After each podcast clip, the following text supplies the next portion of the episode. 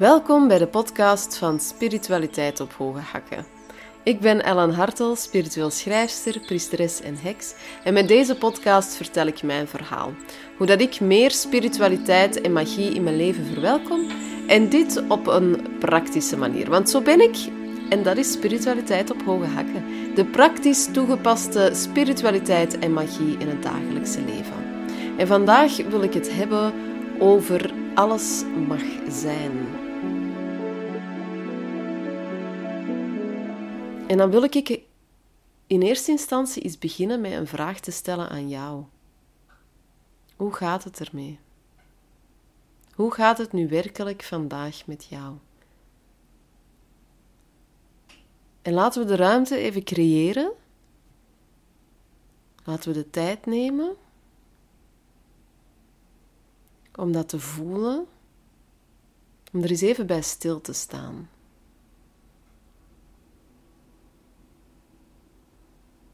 Want er zijn momenten dat ik al in mijn leven heb meegemaakt, dat ik in eerste instantie denk dat ik heel veel zorgen heb aan mijn hoofd.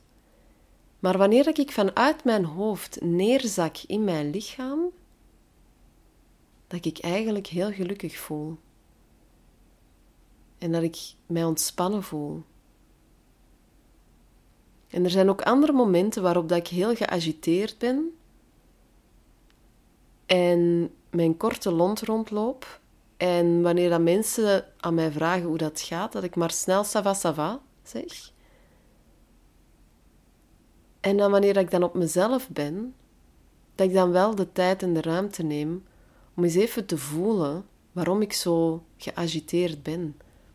Dat ik eens even die tijd en die ruimte neem om in die emotie te gaan zitten. En soms is dat gewoon dat ik begin te huilen. Voor even een kort moment en dat dat dan weer is opgelost. Dat die emotie wou stromen en weer vrij is. Dus ik wil even aan jou hier de tijd en de ruimte bieden om eens even te voelen en ja, eens even bij stil te staan, je bewust te worden. Hoe voel je je? Zo eens even die tijd en die ruimte nemen voor jezelf. En te voelen hoe dat het nu werkelijk met je gaat. Want dit weekend heb ik het ook weer zo mooi mogen meemaken en mogen ervaren. Dat ik uh, dit nu ook kan doen bij anderen. Dat ik bij anderen ook die ruimte en die tijd mag nemen om vrij uit te spreken. Het is eigenlijk een vrijheid dat je jezelf gunt. Een vrijheid dat alles mag zijn, zonder oordeel. Want het is vaak omdat we daar een oordeel op plakken, dat we het wegduwen, dat het niet mag zijn, dat we er taboes van maken, waardoor dat we ons niet vrij voelen. Dus wil je die vrijheid, een van die aspecten daarin is het belangrijk dat je ook voor jezelf alles laat zijn. Dat je jezelf volledig laat zijn. Wat er ook in jou huist op dat moment. Ja? Natuurlijk wil het niet zeggen dat per se dan zo is dat je, als je een emotie voelt, dat je op die manier moet reageren daarop. Dat is ook niet. Hè? Dan komt bewustzijn natuurlijk ook. Is bewustzijn een heel belangrijke plek dat het dan moet ook innemen. Hè? Daarin bij innemen. Daarom die vraag: hoe gaat het met jou? En neem eens de tijd en de ruimte om je bewust te worden van wat er gaande is in jezelf. Hoe dat het nu werkelijk met je gaat. Zit je echt te veel in je hoofd en voel je dat als je afzakt dat je eigenlijk gelukkig bent? Ja, voor mij persoonlijk betekent dat dat ik mij gewoon weer veel te veel zorgen aan het maken ben. Zorgen die ik aan het maken ben, die, die, waarvoor ik eigenlijk mij helemaal geen zorgen moet voelen en voor over moet maken, bijvoorbeeld. Ja dat ik mezelf druk opleg die überhaupt niet nodig is.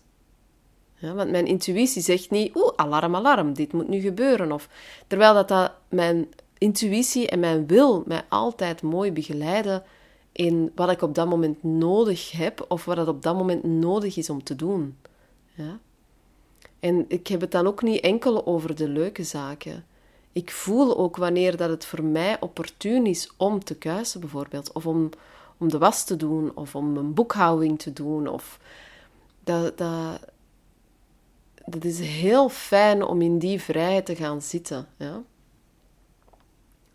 Maar ook de vrijheid van alles mag. Het zijn wij, mensen, die oordelen hebben geplaatst op zaken, cultureel gewijs, by the way, uh, culturele taboes hebben gecreëerd, waardoor dat je het gevoel hebt dat, je ook, dat het ook niet veilig is om over bepaalde zaken te spreken.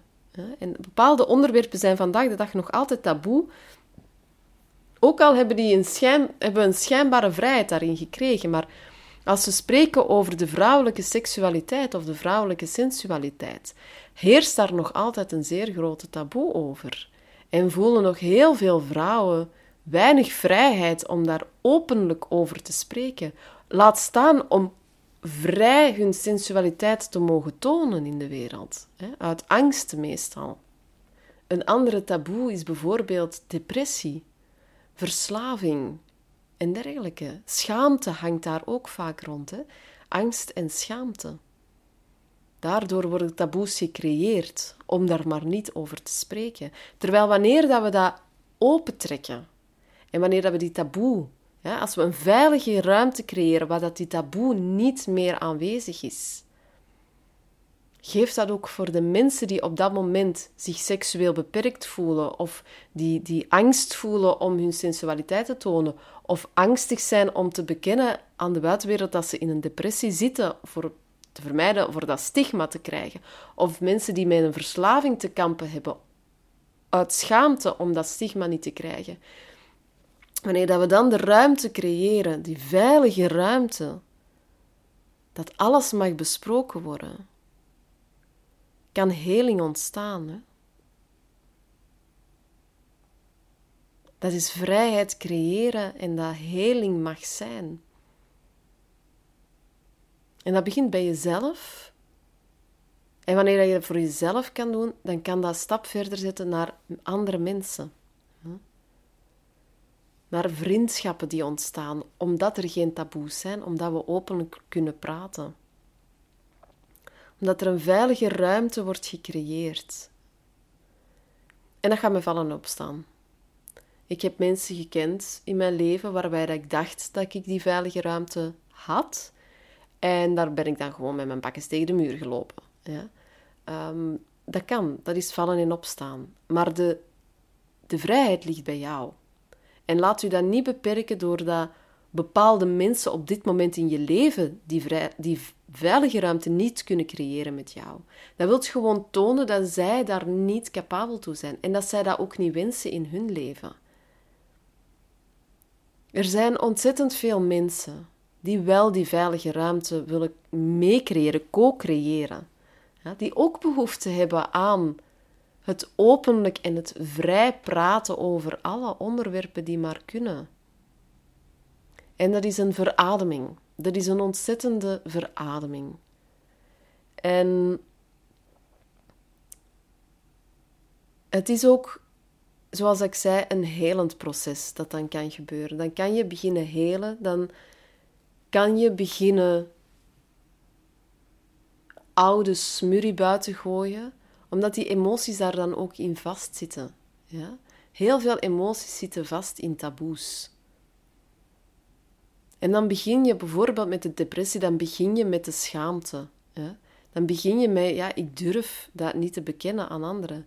Ik, in het begin, ik had zoiets, mijn eerste periode in mijn depressie, had ik iets, ik kan deze aan. Ik ben mentaal krachtig, ik kan dat aan, ik hoef daar geen hulp voor te hebben, ik ga hierdoor. En dat was eigenlijk een, voor mij een escapisme, een negeren van wat het proces eigenlijk was. Ja.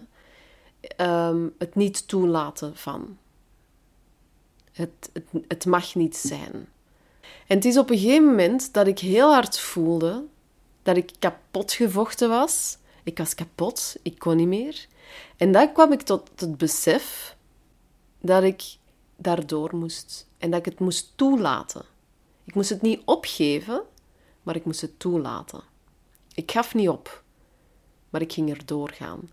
En terzelfde moment, toen dat, dat besef kwam, kwam ik ook de juiste therapeuten tegen. Die samen met mij, die mij mee begeleid heeft om daar door te gaan. Op een hele mooie, spirituele manier dat voor mij enorm goed paste. Omdat ook zij voor mij de juiste, veilige ruimte kon creëren. Wat ontzettend mooi is. En wat ook belangrijk is, dat als je een psycholoog, psychiater, therapeut aan het uitzoeken bent, aan het zoeken bent, voel dan of dat je daar de veilige ruimte voelt. Voel of dat daar de ruimte is om alles te bespreken. En dat geeft vrijheid. Het is een, een soort vertrouwen dat je sowieso moet hebben, maar dat voel je als de ruimte daarvoor is. Dan kan heling ontstaan.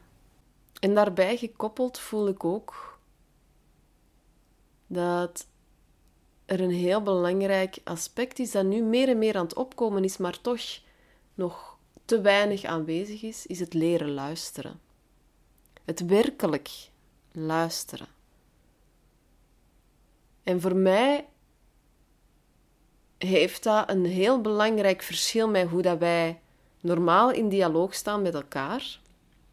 Hoe dat we normaal in dialoog staan met elkaar is meer in het, het, um, het reagerende, het oplossende, het actieve aspect van interageren met elkaar, van in dialoog treden. Soms is het ook vaak dat we gewoon Ehm, met elkaar praten om hun eigen zicht te doen. En wat een andere eigenlijk zegt, is puur de triggers van uw eigen, van uw eigen verhaal. Dat wanneer dat iemand A dat dat bij u ook aantriggert en dat je dan ook jouw verhaal gaat doen. Zonder eigenlijk werkelijk te hebben geluisterd naar de andere persoon. En dat is toch een hele belangrijke, voel ik. En ik, ik ben mezelf daar ook nog... Ik herval soms in het oude reageren enzovoort. Van dialoog uh, zijn.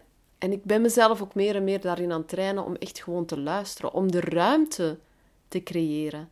En dat er niet altijd op geantwoord moet worden. Een verhaal mag ook gewoon eens een verhaal zijn. Het is niet omdat iemand met iets zit en dat, dat er een emotie aan het stromen is, waarbij dat er woorden mee naar buiten vloeien, dat dan ook dat probleem of die emotie moet opgelost worden. Het is niet onze job om andere mensen per se beter te doen voelen. We moeten niet alles oplossen van anderen. Is het misschien niet mooier dat we elkaar steunen en ondersteunen? Ondersteuning bieden, een luisterend oor bieden, een lieve knuffel bieden. Is dat niet mooier? Dat we hun verhaal eens laten zijn. En dat we gewoon kunnen zeggen, als er iets zwaar gebeurt, dat is gewoon dikke vette kak. Dat is echt gewoon kloten en shit. Zonder mijn eigen verhaal erbij te betrekken. Zonder andermans verhalen erbij te betrekken. Maar gewoon te zeggen van, dit is nu echt gewoon kloten. Wat jij aan het meemaken bent, is kloten. En ik hoor jou. Het is ook oké om niet te weten hoe erop te reageren. Het mag eens zijn. Het mag er ook gewoon eens zijn. We, we willen alles vaak oplossen omdat we niet omdat we de narigheid, of wat wij als narig en, en vuil en besmeurend en wat, wat nog allemaal, dat we dat niet durven te laten zijn. Dat we daar niet de ruimte voor willen creëren, omdat we denken dat dat niet mag zijn in de wereld. Dat dat moet opgelost worden. Hoe dat ik het voel, is het leven is al. Is alles. Is alles. Het leven is alles. En het mag ook allemaal zijn. Omdat het ook, dat, dat is het verhaal van het leven eerste, het, het, het verhaal van het leven hier op aarde, van onze planeet, dat is deel van dat verhaal. Ja? En dan nog het grotere kosmische verhaal, hè, maar dan gaan, we, dan gaan we al een beetje te ver buiten onze planeet. Hè. Maar als we zien naar het leven hier op onze aarde, ja, er is veel shit aan het gebeuren, maar er is ook heel veel liefdevolle, mooie dingen die gebeuren. En onze focus is vaak op, op, het, op het, wat wij oordelen als het negatieve. Maar dan moet ik ook nu denken aan wat, wat mijn krachtdier Beer aan mij verteld heeft. Dat, er is geen shit, er is geen, geen verkwisting in het leven. Er is geen verkwisting. There is no waste. En wat wij denken van wat vuiligheid dat dat is, wat, wat, dat, wat dat we persoonlijk van vuiligheid nog in ons hebben zitten enzovoort, die energie mag zijn. En die mogen we ook loslaten in de wereld. Want er zijn bepaalde zaken die daarop voeden. En dat is ook weer niks negatief. Wanneer een dier sterft in de natuur, ja, en die wordt opgegeten door bepaalde dieren, maar daarna komen ook de paddenstoelen. En dan komen dit, en dan komen de kevertjes, en dan komen de, de wormen en de, ah, die wonderlijke wezens van de paddenstoelen en de kevers en de wormen, die zorgen ervoor dat wat sterft voeding is voor het volgende. Dat onze letterlijke shit, onze pis en onze kak, en de pis en de kak van alle dieren en, enzovoort, ja, dat is ook voeding voor de volgende generaties, voor de volgende jaren. De blaren die vallen van de bomen geven bescherming, geven warmte. Dat is een, een dekentje dat zich op de aarde legt en dat warmte geeft aan de winterdagen die nog gaan komen. En dat, geeft, dat is een mantel tussen de grond en de sneeuw die erop gaat vallen. En dan in de lente begint dat helemaal te verteren. Doorheen de winter heeft dat helemaal verteerd. En in de lente is dat eigenlijk gewoon verse grond, voedingrijke aarde geworden, waar een nieuw leven uit kan voortgroeien. Wij denken, oh, dat zijn blaren en die moeten opgeruimd worden, maar laat die eens liggen. Laat die eens liggen aan de, aan de voet van de bomen. Laat die eens liggen. Ruimt die eens niet op. Want dat is de overleving van heel veel. Dat is geen verkwisting, dat is geen vuil, dat is. Nee, dat is voeding voor het volgende. En zo is dat ook met onze zaken. Mijn shit, spirituele shit dan, hè, niet mijn echte shit, maar de spirituele shit. Mijn spirituele shit is de voeding voor de volgende zaken dat ik ga tegenkomen in mijn leven. De volgende creaties dat ik ga neerzetten. Ja, als ik door deze... Als ik, als ik mijn vuiligheid laat zijn... En mijn vuiligheid, daar bedoel ik mee de, de pijn, mijn oude pijn, mijn, mijn oud trauma enzovoort. Ja? Mijn woede die daaruit voortkomt uh, enzovoort. En vanuit, als ik dat laat zijn, die emoties laat stromen, die vuiligheid tussen aanhalingstekens laat zijn en uit mij laat stromen, kan dat een voedingsbodem geven voor mijn volgende creaties. Dat wat ik heb meegemaakt, eh, heel veel van mijn podcastafleveringen zijn daarvan, hè? creaties van het oude. Want ik heb mijn boek niet kunnen schrijven zolang dat ik niet alles heb kunnen laten zijn. Ik heb niet over mijn emoties kunnen schrijven en, en kunnen spreken wanneer ik ze niet heb kunnen laten zijn. Dus het is een ongelofelijke vrijheid, maar ook een ongelofelijke kracht en een, een voedingsbodem om het te laten zijn. Om het te laten zijn, om alles te laten zijn wat dat is. Want het is mij, het mag niet zijn en dat we er gaan mee beginnen vechten, dat we onszelf pijn doen. Ik mag niet kwaad zijn, maar ik voel de woede, maar die mag er niet zijn. En ik ga beginnen vechten met mijn woede. Doet enkel en alleen mijn innerlijke zelfpijn. Dan doe ik echt enkel en alleen mezelf pijn. Wanneer ik het laat stromen en wanneer ik de tijd neem en de ruimte geef aan die woede om, om eens te laten stromen en om eens te laten zijn en daarnaar te luisteren welke boodschap het brengt, kan ik dan met die boodschap dat het brengt, kan ik iets mee doen, hè? Daar kan ik iets mee doen. En het zijn ook sommige momenten dat wanneer ik mezelf de vraag stel van hoe gaat het nu werkelijk met mezelf, dat er ook gewoon emoties willen stromen en dat er gewoon dat je ineens begint te huilen en dat er geen verhaal komt. Dat er geen... Dat, dat de emotie schijnbaar niks te vertellen heeft. Ja? En dat is ook oké. We hoeven ook niet altijd te weten wat onze shit wil betekenen. Ja? Want dan gaan we te veel analyseren. Dan gaan we er te veel aan vastkoppelen. Shit mag gewoon shit zijn. Dat is iets anders wat dat Beer mij ook geleerd heeft. You don't analyze every pee and poo you do. Je gaat niet elke keer als je naar het toilet gaat, heel je urine analyseren en je stoelgang analyseren. Dat doe je niet. Soms moet je gewoon vuiligheid laten weggaan. En dat is ook een heel belangrijke dat ik heel hard nu voel. Hè. En dat, dat, dat Beer mij nog maar enkele weken geleden geleerd heeft. En, en, en dat zo belangrijk is, omdat ik het ineens snapte. En ik voelde het ook ineens. Van inderdaad, ik moet niet alles gaan overanalyseren. Ik moet niet elke keer wanneer dat ik iets dat ik met mijn trauma zelfs te maken heb, of dat ik voel van dat ik in meditatie de overtollige energie die ik niet meer nodig heb loslaat, hoef ik ook niet altijd te weten wat dat is. Ik vertrouw mijn lichaam en mijn ziel dat wanneer iets losgelaten moet worden en ik niet bewust word van wat het eigenlijk inhoudt, dat dat ook niet hoeft. Die informatie hoefde ik niet te weten. Of er was zelfs misschien geen informatie te weten te komen. Dus dat, je hoeft ook niet alles te weten wat er gaande is.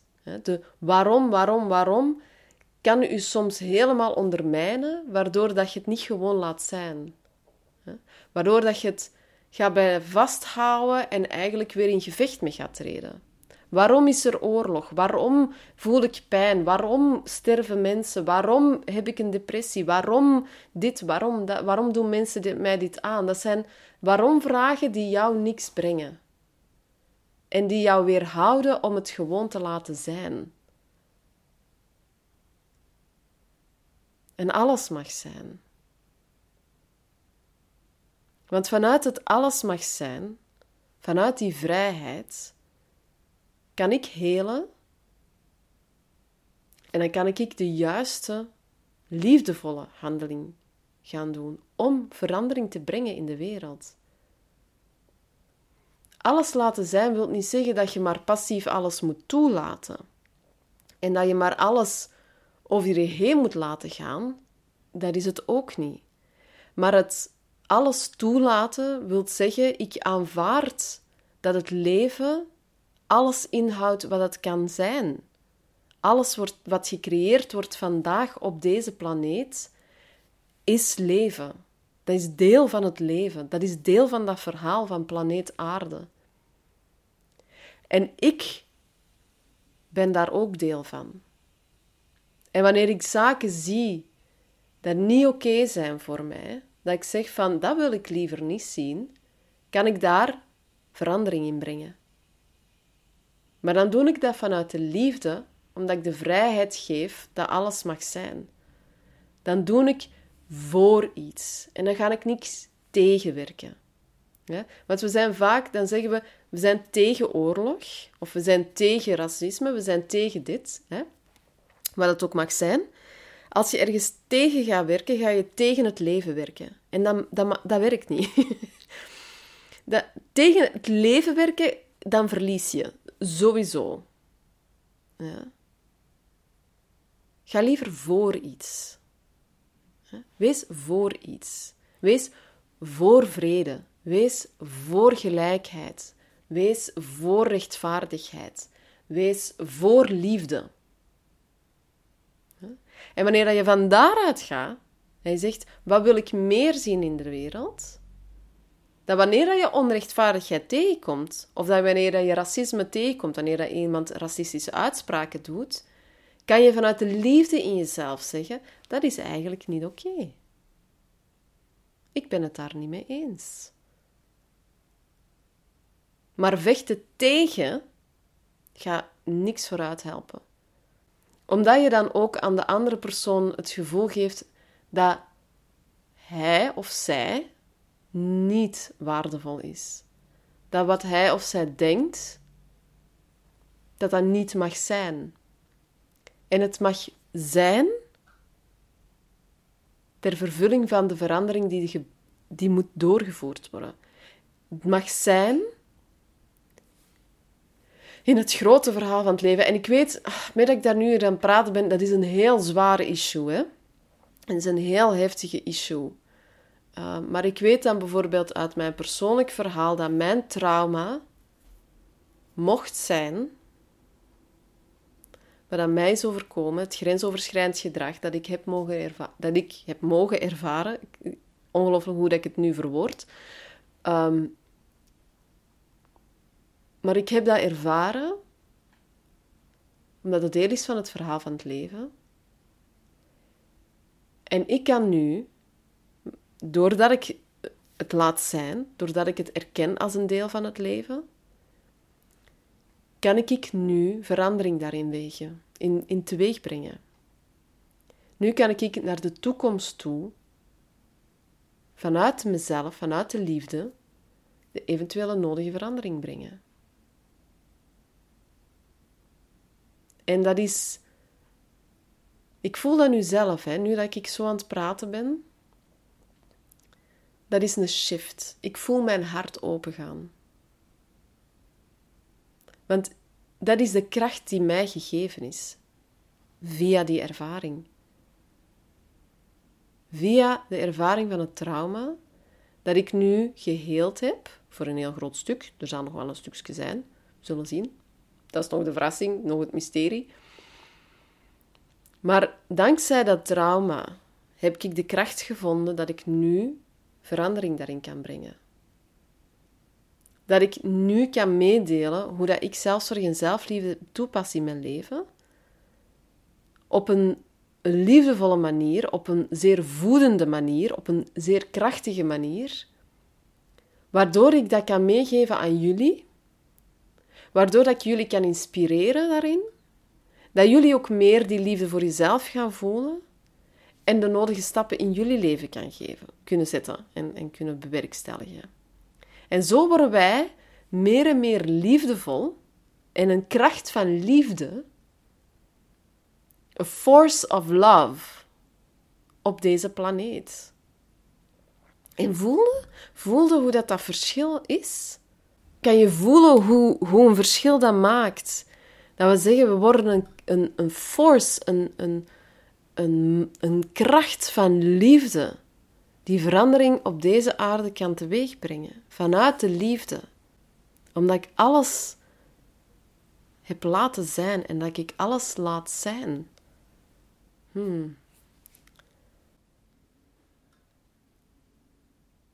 Wauw, ik had geen idee dat, dat deze aflevering eventueel zo zwaar ging worden.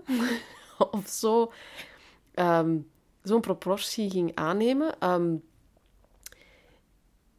ik zit zelfs op dit moment wisselvallig te twijfelen of dat ik heel deze aflevering ga neerzetten.